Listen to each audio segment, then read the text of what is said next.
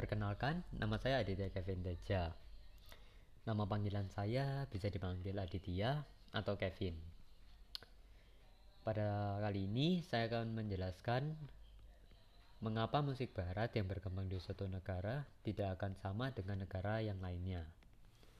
Menurut saya, musik barat itu dapat berkembang lebih cepat itu juga bisa dipengaruhi oleh negara tersebut Contohnya mungkin seperti Amerika yang bisa saja dulunya teknologi itu lebih maju dan pengetahuannya lebih maju daripada negara-negara lainnya.